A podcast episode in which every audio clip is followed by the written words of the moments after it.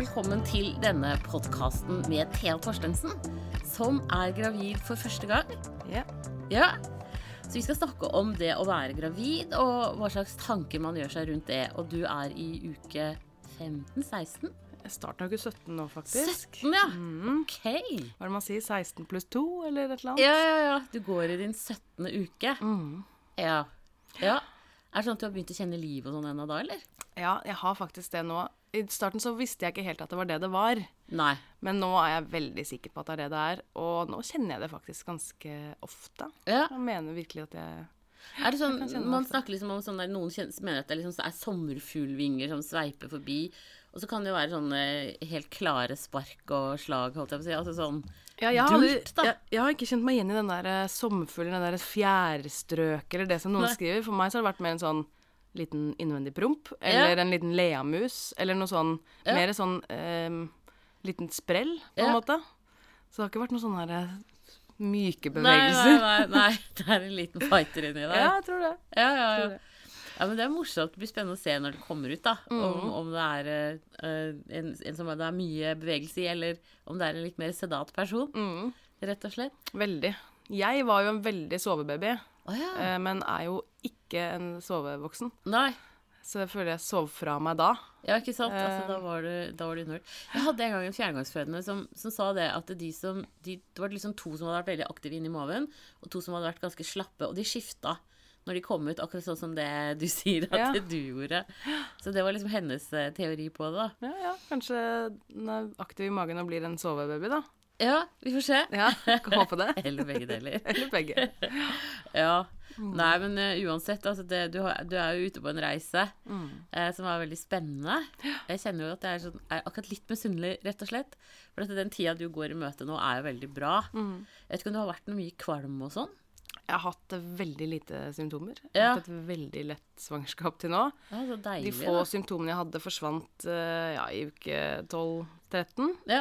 Og da føler man seg jo nesten ikke gravid lenger. Nei. Når man først liksom ja, Det lille man hadde. Og det er jo en sånn fase som er vanskelig. Ja, det var faktisk litt sånn uh, Ja, litt uh, Ikke tøft, men litt, nesten litt trist, kanskje. At Mm. liksom man mista den derre følelsen. Ja, for det får jeg mye spørsmål om. At da tror jo folk at de ikke er gravide lenger. Mm. Eh, og det er jo kjipt. Og så kommer jo den perioden som du er i nå, hvor bevegelsene begynner. Og da blir det jo mye lettere å forholde seg til det, Ja, rett og slett. Det gjør det. Var det sånn at du gikk og tok ekstra ultralyd da for å være sikker? Nei, Eller jeg hadde en dette- eh, Jeg var litt bekymra faktisk allerede i uke 10-11, fordi Ja. jeg, hadde, jeg, jeg har vært gravid en gang før, for mange år siden. Tok abort da. Da Ja. var jeg 19-20 Ja. år. Eh, og da var jeg dritkvalm. Jeg kasta opp eh, masse, Jeg tok aborten var vel ikke før i uke 10. Nei. Så jeg var jo på en måte eh, Så når jeg da var i uke 10 nå, Mm. og hadde ikke, vært, hadde ikke kjent på noe kvalme eller noe, så syns jeg det var veldig rart. Jeg hadde forventet kanskje at jeg skulle være sånn som det var for ti år sia, da. Yeah. Eh, så jeg eh, ringte til jordmoren, og så fikk jeg komme inn, og så prøvde vi å høre hjertelyd i uke 10 eller elleve. 11. Greide dere det, ja? Ja, det var vel kanskje var uke 11. I hvert fall, ja, vi greide å høre det. Og Ja, det var det veldig sånn. Ja, det var det. Og hun sa du må ikke eh, være, bli redd hvis ikke vi hører noe. Nei. For det er ikke vanlig å høre noe nå. Men eh, det gjorde vi. Og så var jeg på den der ultralyden i sånn uke 12. Ja. 12 ja, fullgått uke 12, da. Ja. Så to uker etter dette. For å se sånn Hva heter det? Nakkefold og neseben og indre ja, ikke organer og. Ja. Og, men har du vært på den rutineultralyden? Nei, det har du ikke vært på. Den skal du på om noen uker, den da. Ja, januar. Ja. 4. januar. Ja. Så da får vi vite kjønn. Ja, det er det sant? man gleder seg mest til, da. ja, for du har tenkt å gjøre det? Ja, Dere har ikke vurdert å la være? Nei, jeg er veldig nysgjerrig. Ja. Og så føler jeg at det er så veldig mange andre overraskelser med dette her. Jeg vet ikke Mm. hvordan det er å føde, jeg vet ikke hvordan det er å være mamma, jeg vet ikke hvordan det kommer til å se ut, eh, hvordan det kommer til å bli. Det er så innmari mange overraskelser som jeg tenker at akkurat det tenker jeg kan eh, Det kan jeg godt vite. Ja. Kanskje etter hvert en eh, barn nummer tre, to eller tre, kanskje. ja. At man eh, gjør det da. da. Ja. Tenker det. Ja, det er, det er jo veldig spennende. Det er jo på en måte altså det, det er jo det som er med graviditet og det å ha barn, er at det er jo kunsten i det ukontrollerbare. Mm. Eh, så at der man kan vite noe, så gjør man det ofte gjerne, Mm. tenker jeg. Ja, jeg tror det Ja, jeg er bare rett og slett nysgjerrig. Det er ikke noe sånn at jeg tenker at ja, da vet jeg hvilket, hvilken farge jeg skal lage eller male barnerommet i. Nei. For det gir jeg skikkelig blaffen, egentlig. Ja. Det er mer kanskje det Kanskje det er litt også det at jeg, siden jeg nå har følt meg litt lite gravid, da Jeg har jo hatt veldig lite symptomer og hatt et veldig greit svangerskap, så kanskje det, det å få et litt mer forhold til om det er gutt eller jente, gjør at jeg jeg vet ikke, du alltid- bonder mer på ja, det? bonde mer. Men sånn som i forhold til kjæresten din, da. ehm, er det Tror du det er bedre da å vite Altså sånn Det med å vite kjønn, at det gjør at det blir nærmere? Ja, for han har det vært veldig sånn uh, sprøtt, på en måte. Ja. Og litt sånn uh, Hjelp, er det sant? Og så har jo jeg også vært litt sånn uh, Jeg veit ikke helt om jeg tror på det. Og så Men så har han nå i det siste, for nå er det sånn at jeg kan kjenne når jeg ligger flatt, at det er en liten klump der, og det er litt hardt. Ja. Så han har fått lov til å begynne å kjenne litt på det. Og, eller han har i hvert fall kjent at det er noe. Mm. Så nå har han begynt å bli veldig sånn Det har blitt litt real for han nå, da. Ja. Uh, men ja, jeg tror kanskje at det kan være med å bidra på at uh, at han er litt mer der hvor jeg er, da, kanskje. Ja, Selv om jeg syns jo han har vært det, for så vidt. Han har vært veldig med på, på alt. ja. Ja. Menn er jo oftere litt mer rasjonelle enn det vi damer er. Mm, ja, det er Så- ikke han, tror jeg. Å nei! Nei, det, jeg tror jeg er mer rasjonell enn det han er, okay. faktisk. Ja. Ja. Men det kan jo bli morsomt, da. ja, jeg tror han kommer til å bli litt sånn hønefar, Ja. egentlig. Og han er veldig følsom også, så det også er jo spennende å se. Ja, ja, ja. Både på fødsel og hele det opplegget, men også det å være pappa. Da, Ja. jeg- Det du må si til ham hvis han begynner å bekymre seg for at det å være på fødselen blir mye, det er at når du er med på en fødsel, så er det som å være på jobb. Eh, Det er ikke, det er ikke romantisk i det hele tatt. Eh, Det er hardt arbeid. Han skal gni deg på ryggen, han skal komme med kalde kluter, han skal være der for deg. Mm. Det er masse oppgaver. Eh, og det tror jeg mange glemmer å tenke på. At det er ikke du, du sitter ikke i et hjørne og er til ingen nytte. Eh, og så er han den viktigste smertelindreren som du kan ha med deg eh, gjennom hele fødselen. Så det må du bare si til han, at eh, fødsel, det er jobb, det er hardt arbeid. Han behøver ikke å være noe redd for at liksom, følelsene skal dure av gårde med han eh, Nei, i noen retning. Ja, det er bra. Jeg Så- tror faren hans svimte av alle tre fødslene Ok, hvor moren Altså, Ja. ja. Men men før så var det jo litt mer også sånn at man ble satt på en stol i et hjørne. ja. Eh, og det I hvert fall det jeg pleide å gjøre Nå er det jo Jeg har for så vidt ikke tatt imot barn på 18 år, men jeg er på barsel igjen nå, da. Eh, det er kjempehyggelig. De er så søte, disse Ja. her nybakte familiene og nurkene og alt som ja, det tror jeg på. Men, men det er liksom at det å aktivisere far, det er også en oppgave for jordmor. Mm. Eh, og det er faktisk en god del oppgaver som, som far kan gjøre altså, som Mm. når han er der. Og så behøver man jo ikke å stå og se på akkurat idet babyen kommer ut. Altså, da kan du heller ha øyekontakt med kjæresten din. Ja. Det er mye, mye bedre. Jeg tenker at han skal få lov til å være oppe hos meg da. Ja, det tenker jeg også. Sitte med ryggen den andre veien. Ja. Det, det er en innertier, det også. Ja. Så, men jeg har aldri jeg har tatt imot over 700 barn. Jeg har aldri opplevd at noen har svimt av. Ja, så bra. Så han Men det er jo sikkert noe med det at eh, de ble satt litt i et hjørne før, da. Ja, og så nå ikke sant, så får jo ikke far mat på, på føden heller. Det gjorde vi jo før. Så ga vi dem alltid litt mat. Men det å ha med seg en liten matpakke, noen sånne energibarer, energidrikk, er veldig lurt. Så når dere pakker fødebagen, ta med det også liksom til han. Ja. Eh, Det kan være greit. Lurt. Ja, for mor blir liksom tatt vare på, Mm. sånn sett, men det gjør ikke far. Dessverre. Det skjønner jeg jo òg, da. Jo, men jeg, jeg syns det er litt dårlig. Jeg syns egentlig at man er et team. Ja, det er jo sant. og kommer dit for å føde sammen. Alle vet det. Ja. Det er ikke noen bombe. Nei. Det kunne vært lagt inn i budsjettet. Hvor mye koster liksom fire banan eller brødskiver? ja, noen brødskiver. Ja. Nei, det er sant. Det er liksom Men, men, sånn er det bare. Man må forholde seg til det. Mm. Men, men jeg tenker liksom sånn derre nå, nå har du jo lagt bak deg første trimester. Mm. Eh, og nå er du i det som man kaller det gode trimesteret, nettopp fordi at man kjenner så lite til graviditeten. Ja. Eh, men, men det fremstår jo noen ganger som et litt sånn, skal si, sånn tomt i gåseøynene. Ja. Nettopp fordi man ikke akkurat kjenner babyen nødvendigvis, da. Ja, jeg har følt veldig på det når jeg først liksom Altså, I starten så hadde jeg kjempevonde pupper. Det var liksom den tingen jeg klamra meg veldig fast til. eh, Selvfølgelig, man har ikke mensen og sånn, men det er Ja. sånn, man liksom glemmer litt at det er et symptom på at man er gravid. Ja. Veldig vonde pupper, og så var jeg ganske hormonell Ja. Men jeg er litt sånn kruttønne uansett, så, så det var ikke Ja. Men jeg var litt ekstra hormonell, i hvert fall. Uh, og så hadde jeg Jeg var dritsulten. Jeg var helt umettelig, og jeg, jeg måtte ha mat med en gang hvis jeg ble sulten. Ellers så ble jeg uh, både sinna og, og liksom Om ikke kvalm, men i hvert fall sånn sultenkvalm, da. Mm. Og så Og jeg var kjempetrøtt. Det var de tingene jeg hadde. Så Ja. jeg har jo på en måte hatt symptomer. Jeg har bare hatt det så lett. Ja, så jeg har ikke sant? tenkt på det som symptomer. Og så, når det kom til andre trimester, og alt dette forsvant eh, Til og med trøttheten. Jeg, plutselig så Å, kunne jeg være våken til klokka tolv-ett igjen, og så uten noen problemer, og puppa var ikke vonde lenger, og alt var liksom Ja. Så var det skikkelig Da var det sånn Da var det tomt Ja. og rart. Eh, og så har jeg jo ikke Det har ikke vært noe mer altså, Jeg har ikke vært på noe mer ultralyder. Jeg har ikke vært en jordmorprat etter dette. Jeg har hatt en sånn kjedelig sånn test på sykehus. Sånn derre oh ja, så det har ikke vært noe mer hos jordmor eh, etter at du var der i uke åtte-ti? jo, jo, jeg var der jo i, og tok blodprøver da i uke Ja, for så vidt. Det var jo uke 14, det, da. Ja, men da var det bare blod Snakket dere ikke noe Veldig lite, Å egentlig. ja, OK. Mm. Ja. Så Men jo, f- nå, kan jeg surre litt. Jeg var der først i uke åtte. Og så var jeg der den gangen jeg fikk høre hjertelyd, i uke 10-11. Ja. Og så Jo, og så var det neste var blodprøver. Ja. Og nå er det neste er jo da etter ordinær ultralyd. Mm. Ja. ja. ja. de regner liksom åtte, åtte undersøkelser i løpet av ehm, graviditeten, da. Så de, men, eh, men, men det er jo sånn at du kan jo bare, når, hvis du blir usikker, så bare bestiller du en ekstra time hos jordmor. Ja. Eh, både til å prate og bli lytta på og sånn. Det kan du gjøre når som helst. Ja. Eh, og da behøver man ikke nødvendigvis å gjøre en full kontroll, for da kan man liksom heller komme inn på kort varsel og så få gjort det.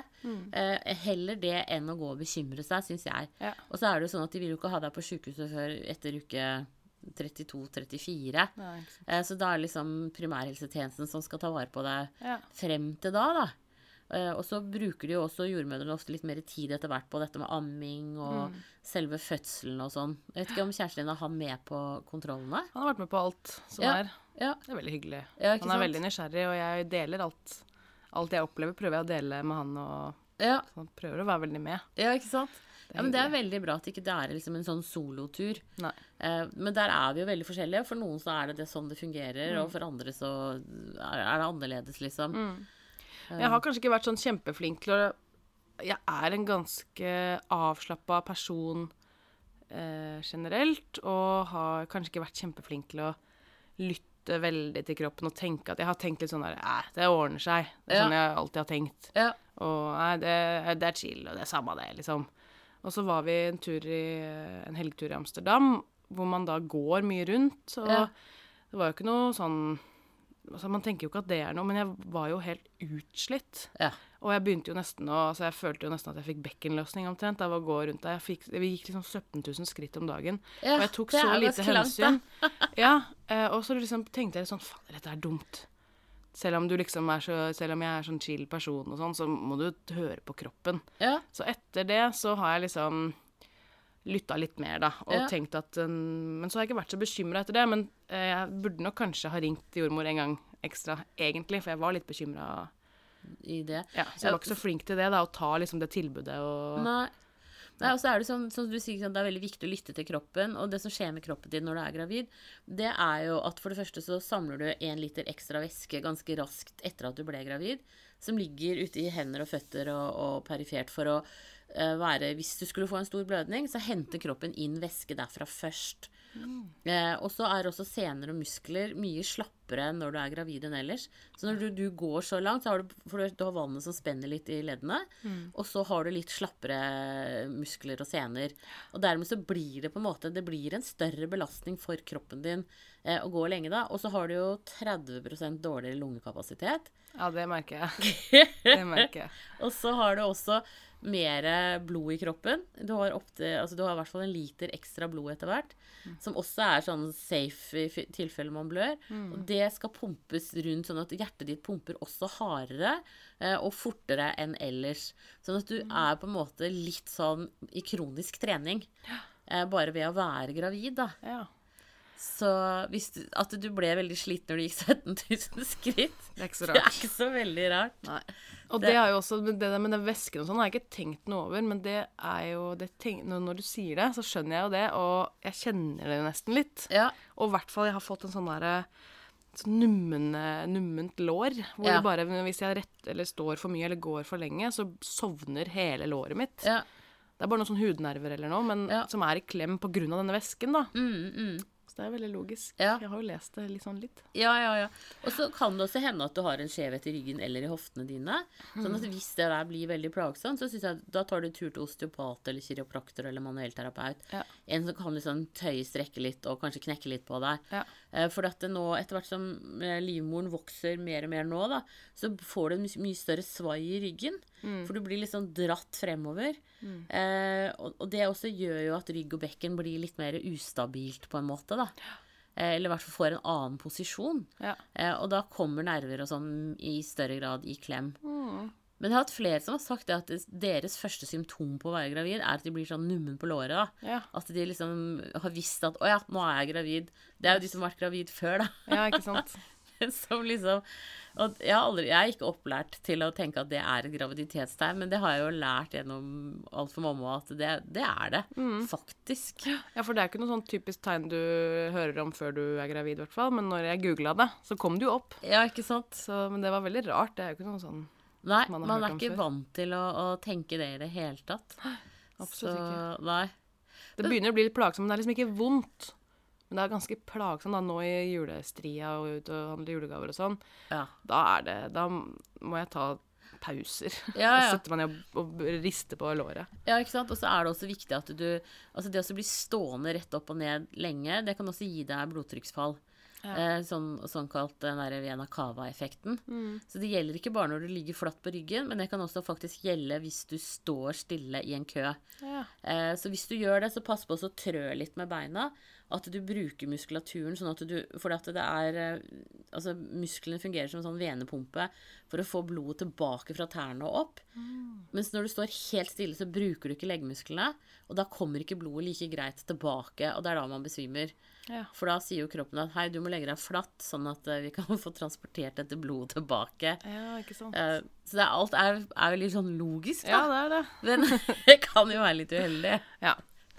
Får vi Jeg håper får håpe det Jeg tror at hvis det fortsetter sånn som det er nå, så kommer jeg til å gå altså, til en no, noen som kan knekke eller dra eller Ja, kna eller hva man nå gjør. ja. Ja, for det kan være altså Det er jo veldig sånn der når, når beinet sover, det kjenner vi jo alle, det er en sånn litt sånn irriterende følelse. Mm. Det er jo ikke smertefullt, men det er på en måte en sånn veldig irriterende greie, får vi vel si. Ja, veldig. Ja. Har dere kommet så langt som at dere har begynt å tenke på permisjon og sånn? Hvordan dere skal dele? Um, Det er litt tidlig. Eh, ja, altså det jeg tror Fordi kjæresten min han ble nedbemanna i fjor, så han er, akkurat nå er han arbeidsledig. Så sånn pengemessig så tror jeg vi det lønner oss at jeg tar alt uh, som jeg kan ta, og at han tar det han uh, Men han får, jo, han får jo stønad selv om han mm. går på Nav. Ja. Og jeg regner jo med han har fått seg jobb innen juni. Ja. Det tipper jeg Jeg tipper i hvert fall det. ja. Eh, men foreløpig er det det vi har tenkt, bare. Å gjøre det som er det mest økonomisk lønnsomme. Ja, ikke sant. Og jeg tror det er det mest økonomisk lønnsomme. Ellers så er jo jeg litt sånn eh, arbeidsperson. Jeg liker å jobbe. eh, og veldig sånn feminist- og likestillingsperson, så jeg tenker jo at det hadde jo vært eh, fint eh, å kanskje utnytte seg litt av det med at det går an å dele den midt, Mm. den felles greia. At Ja. man kunne delt den litt annerledes, samtidig som jeg kjenner at eh, jeg har veldig lyst til å bare Jo mer jeg tenker på det, så har jeg veldig lyst til å være hjemme med babyen. Ja, ikke sant. Så lenge jeg kan. Ja. Og jeg tror også det er kanskje lurt. Ja. Eller fint, i Altså I forhold til ammingen og sånn, så er det klart at det også I det øyeblikket man drar ut og jobber, så kompliserer det ammingen. Ja. Sånn at hvis man har tenkt å amme seks måneder pluss, Mm. så, så er nok den nye ordningen ingen høydere, sånn som jeg ser det. Nei. Eh, men, eh, men det går jo an å, å kanskje høre med arbeidsgiver om man kan komme tilbake og jobbe halvt, eller altså gjøre noen sånne funksjoner, da, hvor, eh, hvor kanskje du jobber hver formiddag. Ja. Det kommer helt an på hva slags jobb han har, og, og hvordan dere kan tilpasse det. Men, men jeg ser de, de som jobber skiftarbeid og sånn, så kan man liksom på en måte sjonglere det til litt. Bedre enn å jobbe jo du vanlig dagtid. Ja. Så det er derfor jeg tenker at liksom halve dager på en måte kanskje kunne vært noe. Um, men det, men det, så man kan bare være litt kreativ, eller jobbe to, to dager den ene uka tre dager den andre. ja, ikke sant. Uh, og så sjonglere. Og så sier du at du, du føder i juni, og det betyr at da får du ikke barnehageplass før i august. Nei. Så dere må uansett eh, dra det over sommeren. Ja. Men er ikke det ganske bra tima? Jeg har hørt at eh, Jo, jo, liksom, jo. når jeg sier at jeg har termin i juni, så er alle sånn åh, perfekt timing, sier de sånn i forhold til barnehageplass og Ja, og så slipper kan du ta å noe gå en ferie sånn og- svett sommermøte. Ja. Og så slipper jeg å kjøpe masse nye vinterklær nå, fordi jeg Ja. har ikke noe sånn mage nå at ikke vinterjakka passer, liksom. Nei, ikke sant? Så det anbefales, det, altså. Ja, ja, ja. Og så gravid på må jeg si ja, brodder. Ja. Eller altså sånn Fordi at, det, fordi at det, vekten endrer seg i kroppen din nå, så kommer du til å få litt dårligere balanse. Ja. Eh, og da, hvis det blir sånn holke som det var i fjor, da er brodder taken. Altså, det er, det er ulekkert. Det, Ja, jeg må bare man ser litt sånn tantete ut. Men det kan være veldig, veldig bra. Ja, jeg tror jeg skal Jeg må jo det. Ja, Det er dumt å liksom risikere noe bare fordi ja man har lyst til å se babyen kul ut. ligger jo veldig, veldig trygt Ja. eh, inni maven, stort sett. Mm. Så, så det, det skal et ganske stort og hardt fall til Ja. før, før den blir skadet. Men, men det er klart at eh, for ens egen del også, det er jo ikke noe hyggelig å falle sånn kjempehardt og, og ja. Nei, så, så brodder og sånn kan være lurt. Og som du sa i stad også, før vi begynte å ta opp det, at eh, kjæresten din er veldig til å passe på deg og Mm. holde deg under armen og Han er det. Han, øh, når vi går sammen, så uten at jeg tenker over det, så kommer liksom albuen ut, og så sier han 'hold, hold meg'. Ja, ikke sant? Det er, jo veldig hyggelig, Det er da. veldig hyggelig. Og så tenker jeg det er jo en tid nå hvor man liksom kan venne seg til det der å gi og ta litt, da. Mm. Og, og være litt sånn, for det, det kommer dere til å trenge så veldig når babyen kommer. Mm. Når det blir lite søvn og For det gjør det uansett hva man sier. Det fins ingen babyer som sover eh, fra starten av. Ikke skal de det heller. De skal ha mat sånn hver tredje time, røftlig. Um, så lenge de begynner å legge på seg selv og sånn, så går det helt fint. Da kan de styre det. Eh, men sånn de første døgnene og sånn, så i hvert fall på Ahus der vi er på barsel, så er de veldig strenge på at det skal være liksom hver tredje time og, og sånn. Så man må jo følge babyen da, Ja. mye mer. Og det, det koster litt, det altså, å være foreldre, særlig de første mm, tre månedene. Ja, det kaller amerikanerne det fjerde trimesteret. Ja, Eh, Og det har ikke vi noe begrep for her i, i Norge, men det burde vi ha hatt. For det handler om at babyen fortsatt vil være hos, den vil være veldig på. Hudkontakt er liksom ypperlig. Det å høre hjerteslagene til deg eller til kjæresten din er sånn som roer veldig ned, og, og som man bør på en måte planlegge, da. Ja. Så ikke liksom planlegge den store sommerferien i år. Nei. I år så er det redebygging, Ja. rett og slett. Jeg tror at vi er, eller i hvert fall sånn som vi er nå, så er vi et veldig godt team. Mm. Em, det er ingenting vi ikke kan snakke om, og han er eh, veldig uh, Hva heter Hva kan han si? Han er veldig em, ja, Han gir mye, da. Ja.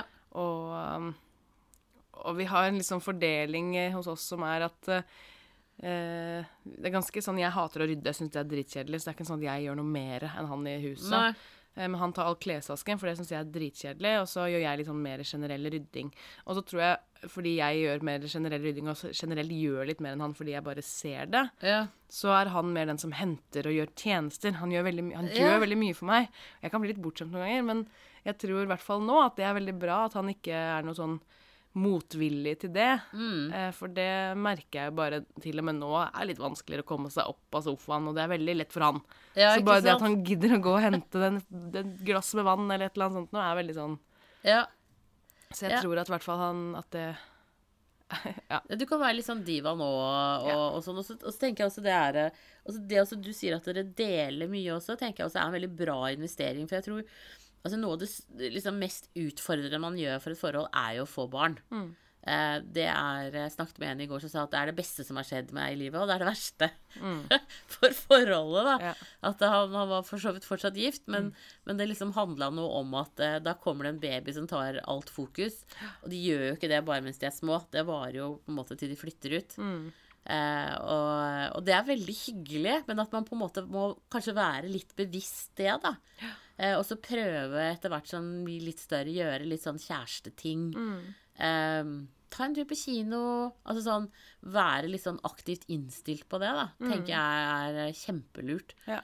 Eh, og så kommer dere til å dundre rett inn i ammetåka, begge to. Ja. Eh, og er, du er sikkert der litt allerede, for du er jo veld, man blir fort påvirket av oksytocin. Som er det hormonet som gjør at man sover litt mer og blir litt mer glemsk, rett og slett. Ja. Jeg har kanskje merka litt til det, og litt eh, at jeg har ehm, nå, Morsomt at jeg ikke klarer å finne ordet nå, for det er egentlig det jeg skal si. Jeg har liksom mista ordene, eller sn- snubla i ord og setninger og sånn, som har vært veldig sånn ulikt meg. Ja, Som kanskje kan være noe av det, da. ja det, er, det er det helt sikkert. Ja. rett og slett. Det er graviditeten. Eh, så, så, og det er helt normalt. Altså, det opplever de fleste. Men det er kanskje av de tingene man ikke snakker så mye om, da. For det er jo litt sånn ulekkert. Det er sånn tidlig demens, på en måte. Mm, ja, ja. Men det er heldigvis Ikke ikke, det. ikke så attraktivt for jobben også. Nei. Prøver å Det er ikke noe hinder at jeg er gravid. Her kan jeg jobbe et halvt år til. Ja, ikke Og så sant. går man rundt og glemmer avtaler og Ja, og, og sånn er det, og det er logisk. Og der, og der tenker jeg på en måte at der har vi stort sett litt sånn Det kjenner vi til med gravide, at de er litt treigere. Eh, og det skal, de, at det skal man få lov til å være når man er gravid. Og det er viktig at du også gir deg selv lov til det, tenker jeg. Ja. At du nå på en måte yter 80 da. Eh, det er helt greit. For at du er en ressurs for arbeidsplassen din.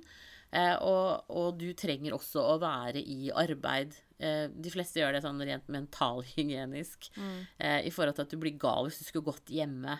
Så det å tillate seg å gå litt saktere når man er gravid, det syns jeg de fleste burde gjøre. For ellers så ender du veldig lett opp i en 100 sykemelding. mm. og da er du helt ute. Og det er så kjipt, altså.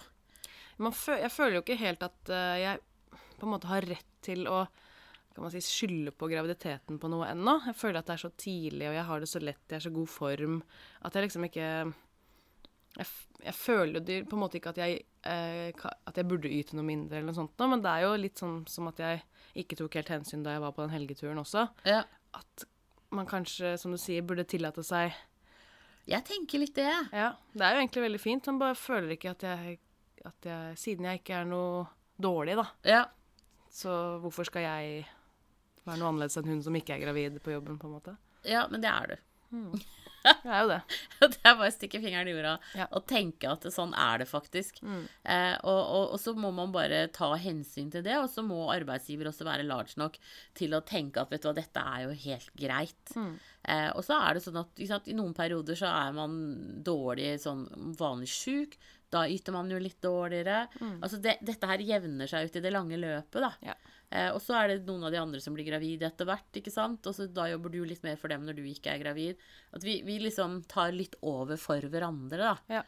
Så, så utover sånn våren når du begynner å bli litt stor og sånn, så, så er det lurt at ikke du legger ut på de største prosjektene. ja. At eh, det, det er ikke liksom ut i skog og mark og eller hva dere måtte finne på Nei. her. Bære masse utstyr og Nei, hei. ikke sant? Og når, når liksom andre tilbyr seg å hjelpe deg, så sier du ja takk. Ja. Eh, og er det noen som måtte finne på Det er ikke så mange som gjør det lenger, som reiser seg på bussen eller sånn, så sier du også ja takk. Nei, det er ikke så mange som gjør det, men man ser, man ser jo ikke at jeg er gravid nå. Jeg kunne sikkert ha holdt noen hender på magen og sett litt hardt på de og så fått sitteplass, men Ja. eh, nei, vi er jo så beskjedne, vi nordmenn. Vi skal liksom ikke være til bry og ta så mye plass og sånn, så Nei, men jeg tenker på sånn etter hvert når, når liksom magen blir stor, da, eh, Ja. og det syns, så bare si ja takk. ja, det skal jeg gjøre. Selv om du føler deg skikkelig pigg den dagen, så, så tenker jeg liksom det er noe med ja, å signalisere også til deg selv da, at dette er en ekstraordinær tilstand, altså. Ja. Uh, og kroppen i seg selv jobber jo liksom 50% mer. Ja. Uh, og det, man blir preget av det, og det, og det tenker jeg det skal vi få lov til. Eh, og, Man bygger jo et annet liv inni der. gjør Det det. er jo helt sykt det vi driver med. Ja. Så man burde jo, ja Det er ganske magisk, rett og slett. Ja, veldig. Så mm, Bytte litt stilling. ja. Yes. Men uh, hva tenker du om det neste, de neste ukene og månedene fremover? da? Jeg har alltid gledet meg veldig til å gå gravid. Jeg har en mamma som uh, stortrivdes med det, og har alltid snakket veldig varmt om det. Ja. Eh, så jeg har jo fått en litt sånn skuffende start, bare fordi jeg har ikke følt så mye da. Oh, ja. Men jeg begynner jo å føle mye nå, og hadde et lite moment i går hvor, eh, hvor vi ja, vi fylte litt tårer sammen og gledet Ja, oss til hyggelig. eh, vi skulle bli foreldre og sånne ting. ja. Så nå begynner det å komme mer og mer. Og jeg har en kusine også som har termin om to måneder. ja. Så hun er jo Jeg har på en måte henne å se etter. Ja, da så var vi med dem i helgen. Så da var det veldig sånn Det var mye spark og sånn. Så Ja. jeg kjenner jo at Uh, jeg gleder meg veldig til man begynner å få gravidmage, og til uh, man får vite kjønn. Og man kan, ja, vi har jo liksom ikke kjøpt inn noe ennå. Jeg gleder Nei. meg veldig til den tiden fremover. Og så vet jeg at det blir tøft og tungt, og vi bor i femte etasje uten heis, og det Ja. kan jo bli en utfordring, Ja. men eh, mest av alt så bare gleder jeg meg skikkelig. Ja. Ja, så bra. Mm. Har, har du liksom tenkt noe sånn fødsel da? Det er litt tidlig. Jeg har tenkt litt på det, bare fordi jeg egentlig har veldig mange venninner som har vært eh, gravide, og som nå har masse barn. Ja. Så jeg har jo hørt mye om fødsler, og jeg har sett på fødeavdelingen, og jeg Ja. følger en sånn fødselsfotograf på Instagram. Ja. Og jeg syns det er veldig spennende. Uh, og det jeg har tenkt, er at uh, jeg ikke skal være noe Jeg skal ikke være noe sånn eh, nei til epidural. Nei. Men jeg skal ikke være noe at det planlegges på forhånd heller. Det Nei. får man ta når det kommer. Og så tror jeg at jeg kommer til å være Har lyst til noe med basseng. ja. Noe med vann. Jeg er veldig Hvilket sykehus skal du føde på? Ullevål. Har du vurdert ABC, eller? Jeg har vurdert det, men da er det ikke epidural. Er det Nei, men altså hvis du på døde liv trenger det, så får Altså da blir du flyttet til vanlig Ja, fødeavdeling, så Jeg har vurdert det. Eh, Ja. fordi jeg er, det med basseng har jeg faktisk tenkt på før jeg ble gravid også, at det er, ja. kanskje vil være noe for meg. Og også den derre stillingen. At det føles for meg, bare når jeg tenker over fødsel, så føles det ganske unaturlig å skulle ligge på ryggen. Ja. Jeg føler med en gang, bare når jeg, skal, når jeg ser det for meg, en dragning til å stå på huk eller lene meg frem eller noe ja, sånt. ikke da. Selv om jeg vet jo ikke hvordan det blir når jeg først er Nei, i fødsel, nei. men Men, men, men det, det høres veldig Altså, jeg er veldig enig med deg i det. Mm. Jeg tenker liksom at det å ta en tur altså Hør med de på ABC om de har plass, Mm. og så ta en tur dit og så prate med dem. Fordi at det som er fordelen der, er at de jordmødrene har mye mer tid til å være sammen med deg som fødende. Mm. Og det gjør jo at de på en måte trygger deg veldig mye mer i fødselssituasjonen. Eh, sånn at, eh, at jeg vil i hvert fall Altså når man er så pigg som du er, da, og ikke har noen komplikasjoner, så ville jeg definitivt eh, tatt en prat med dem, altså. Eh, og hvis det skulle være sånn at de sier på Det hender jo at det er fullt eh, Altså fødsler skjer jo ikke eh, kan ikke planlegge det. Nei, ikke sant? Så hvis det skulle være fryktelig fullt på føden på de andre avdelingene, så, så hører man om ikke det også er ledig på ABC, selv om du ikke egentlig hadde tenkt å føde der. Istedenfor å bli flytta til Ahus eller Bærum eller Ja. Riksen, så er det på en måte noe man kan gjøre. Ja. Men, men jeg har jo veldig sansen for eh, for det med å, hva man forventer, da. Så jeg tenker at når du sier at du vet ikke hva du møter, så tenker jeg at det er veldig, en veldig sånn bra ting. Eh, men så tenker jeg også mer og mer at liksom på de vanlige fødeavdelingene så, så leter de også etter eh, Altså, hva skal jeg si Altså sjansen for en normal fødsel er større på ABC. Ja. Eh, også fordi at man er selektert i utgangspunktet for å få lov å føde der. Ja. Men også fordi at det, man, det er ikke liksom hva som kan gå galt man leter etter.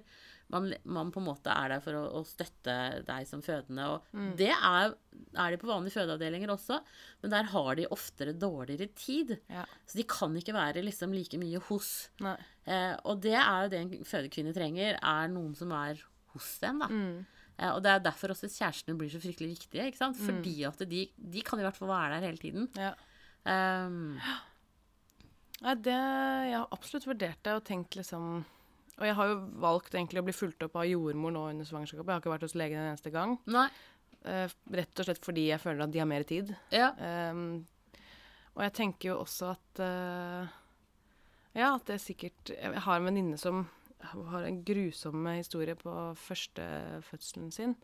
Hvor hun, eh, det tok to timer før en, opp, en sjekk, og så døde babyen i magen. Nei, så hun måtte føde dødfødt og ja, helt sykt uh, kjip, uh, kjipt opplegg. Ja. Og det var jo også litt fordi ja, Ikke det at jeg tror det er sånn vanlig, dette var jo, av, dette var jo ikke vanlig. Nei, nei, nei, dette må ha vært helt ekstraordinært. Ja, det var vel et vaktskifte, og så hadde hun uh, streptokokker-bakterien i seg. Å, ja. Så hun har jo sagt til alle oss andre at dere må, selv om det er liten sjanse og sånn, så bare må dere sjekke Ja, men alle gravide skal sjekkes for det. Urinprøven skal sendes inn Ja, så bra. eh, til dyrkning, så det kan du høre med jordmora di om. Mm. At det er gjort. For det skal bra. man. For det er en av de største dødsårsakene for nyfødte. Ja. Er, eh, er, oss, er det. Mm. Så hør med jordmora di om ikke hun har sendt inn den prøven.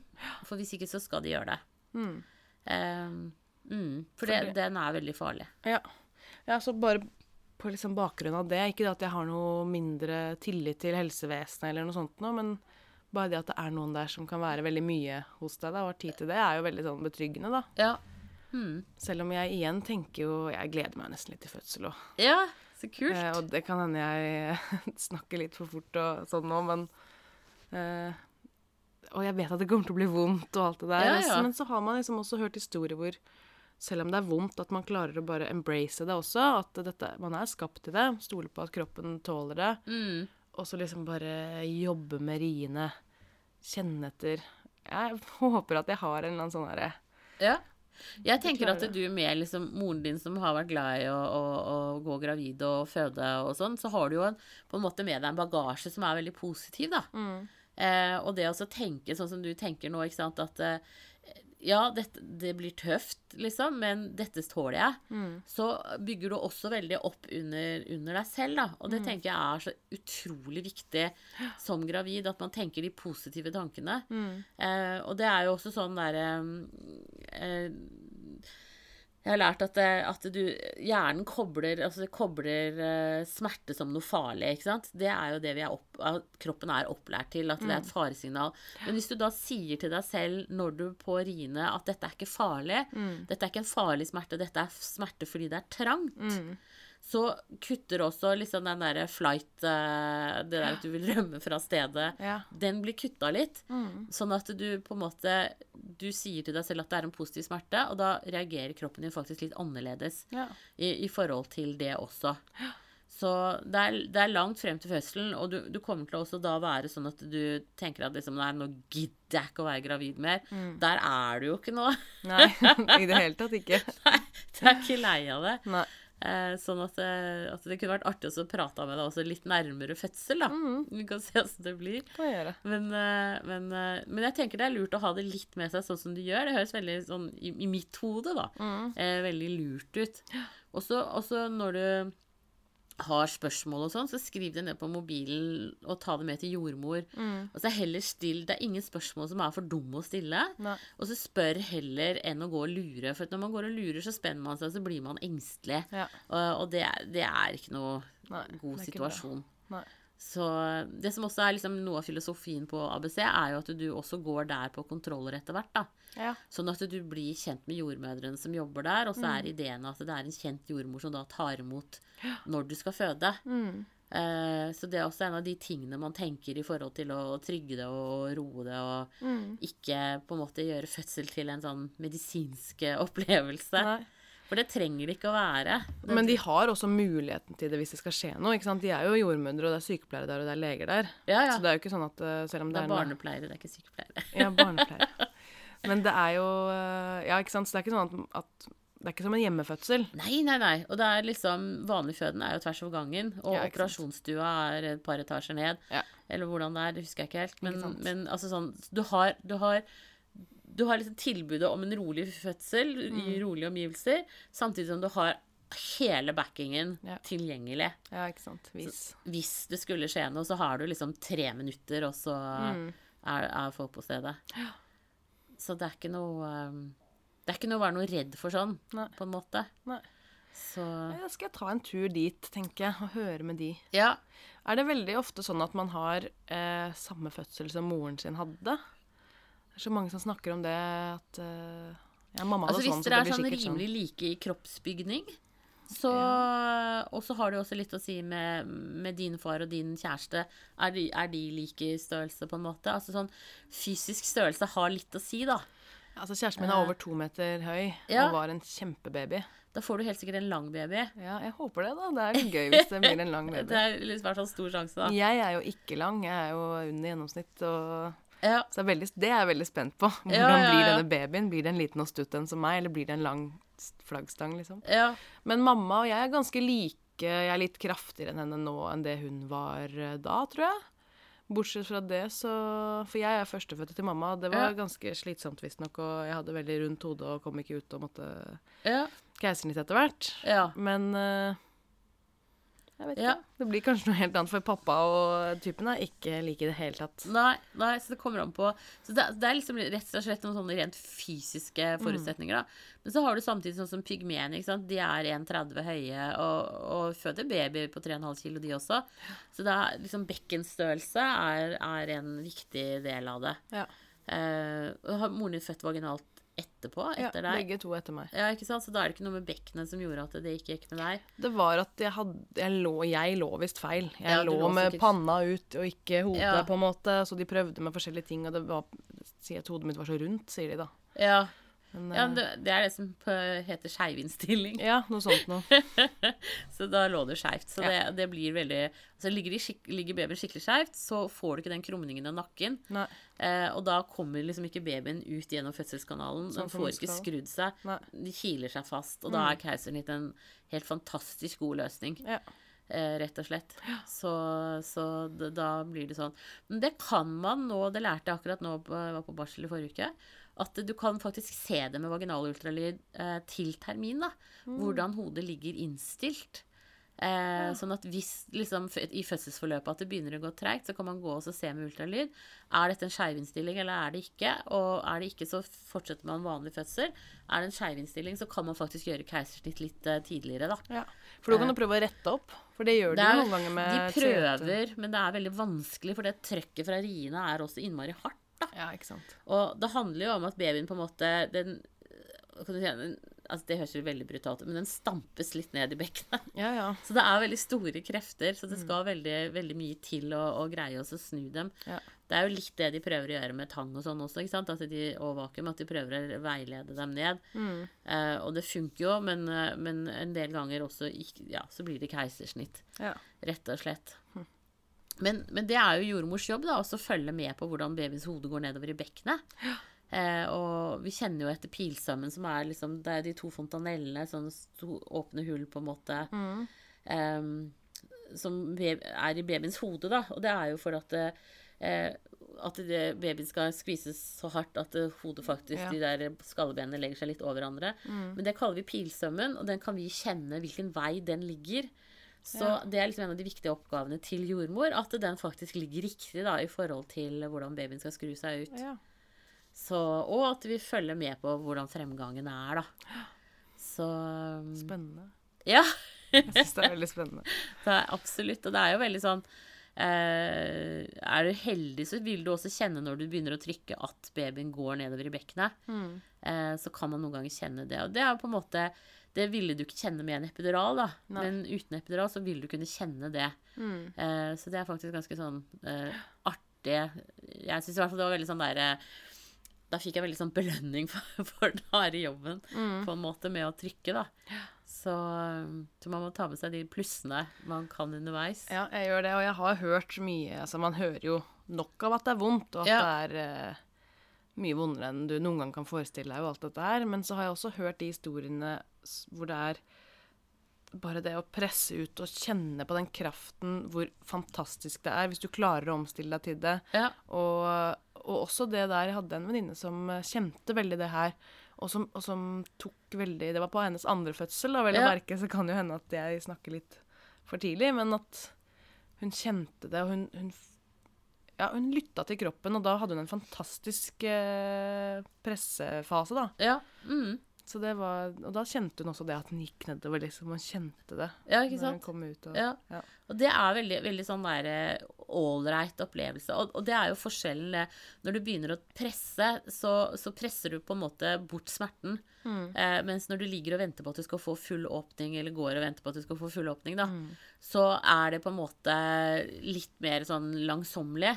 Men, men samtidig, for hver ri, for hver kynner, så kommer man jo nærmere fødselen. Mm.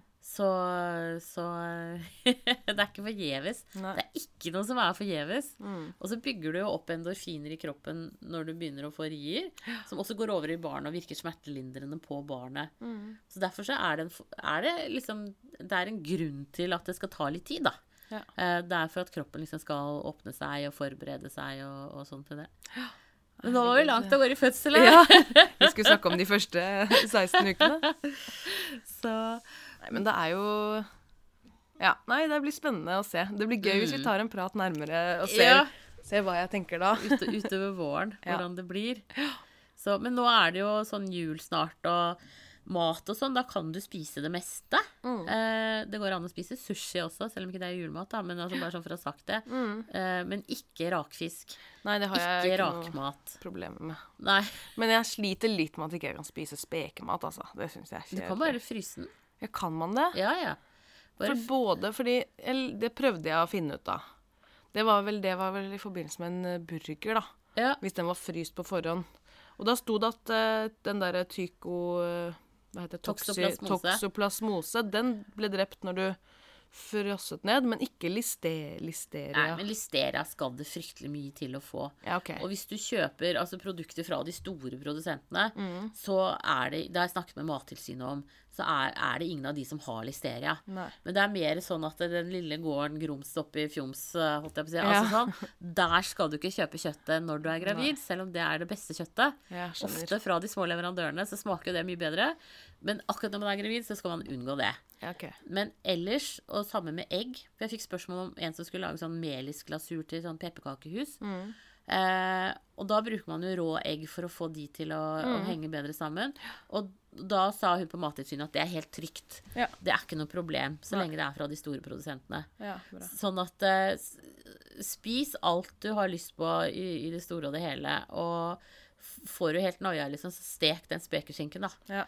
Eh, Men, da eh, skal jeg fryse ned litt spekeskinke og kose meg litt, kjenner jeg. Det, Ja. Eller bare salami, selv om det ikke er noe man, jeg nødvendigvis spiser så mye. Men ellers. Gilde har jo laget en egen salami for gravide. Ja, den har visst blitt borte igjen. Nei! Ja, for jeg har lest litt om den. Noen som sa at eh, de hadde den før og ikke har den lenger, eller noe. Da var det veldig sånn kort karriere. Ja, jeg tror det. Men det- For dette, det som var, der, jeg ringte jo også og snakka med Gilde her, og det, det de sier, er jo at den salamiprosessen da, er jo drepende for. Ja, er bakterier. Selv om det ikke kokes eller Ja, fordi det er så salt. Ja, ikke sant. Sånn at Det er eh, sikkert litt sånn hysteri, dette her også. Ja. Eh, men så har man jo ikke, når det er en anbefaling fra noen helsemyndigheter og sånn, så har du ikke lyst til å trosse det. Nei, nei. Men, så sier de jo samtidig at eh, vi får for lite jod i oss, da. Ja. Så det går jo an å kjøpe salt med jod i, og så heller salte maten litt. Altså, for det er jo ofte det salthungeren Mm. som gjør at du har lyst på spekeskinke. Ja. Ikke sant? Så la oss si at du salter potetene litt ekstra, altså sånne ting, sånn at du får i deg det saltet som du har behov for. Mm. Så, så, um, så er jo det en måte å kompensere på også. Ja. Og så er det jo mye av julematen som er ganske salt. Ja, og det vil du merke at du kommer til å ha mer vann i kroppen. Ja. Hvis du f.eks. spiser pinnekjøtt den ene dagen, så kommer du til å hovne opp den andre. Ja. For da vil kroppen spare på, på vann. ja. Eh, og så går det over. Da er det bare å drikke masse, og så går det over i løpet av en dag eller to. Men det er ikke farlig. Nei. Men eh, det kan være litt sånn Jeg elsker pinnekjøtt, og vi skal spise det på julaften. Ja. Det er ikke sikkert at liksom penskoene passer utover kvelden. Nei, da. det er greit.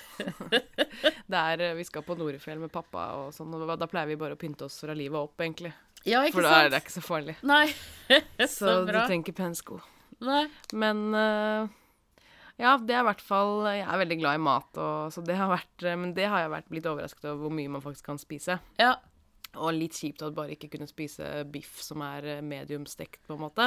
Men herregud, det klarer jeg meg uten uh, Mm. Ja. den tiden. Det er en kort periode. Ja. Ellers så har jeg crava ganske mye sånn hvit fisk. Ja. Norsk husmannskost. Ja.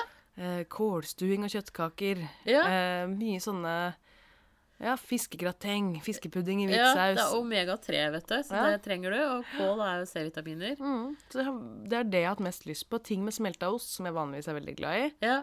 Det har jeg liksom ikke hatt så veldig lyst på. Veldig rart. Back to basics. Ja, egentlig. Ja, altså litt sånn der, Altså det er jo litt sånn renere varer også, da, Ja. på en måte. Mm. Uh, mm, ja, nei, men det, det er jo morsomt. ja. Men nå har jo den eh, Det også er liksom litt over nå. Nå kan jeg spise det meste Det var litt vanskelig å finne noe man hadde lyst på i starten. Ja. Når man da mest hadde lyst på hvit fisk. Ja, ikke Eller sant? fiskegrateng eller kålstuing og kjøttkaker, liksom. Ja. Men uh, ja. Ja, nei, men, det, men det, er, det, er, det er bra det at man kan spise det meste. ja. Det er jeg veldig Så, glad for. Mm. Ja, ikke sant? Og så, så ja. Nei, men da sier jeg tusen hjertelig takk for praten, jeg. Jo, takk Og for at så- jeg fikk komme. Så snakkes vi forhåpentligvis igjen utover våren en gang. Ja. Det hadde vært veldig hyggelig. Da kan vi ta ut noen utdrag fra denne tiden, denne Ja, podkasten, og se hva Dette sa du sist. Ja, hvordan ble det? Jeg gleder meg til de neste månedene. Hvordan er det, da? Ja. Ja, Nei, det blir gøy. ja absolutt. Da må du ha en riktig god jul. Takk, likeså. Ha det bra. Ha det.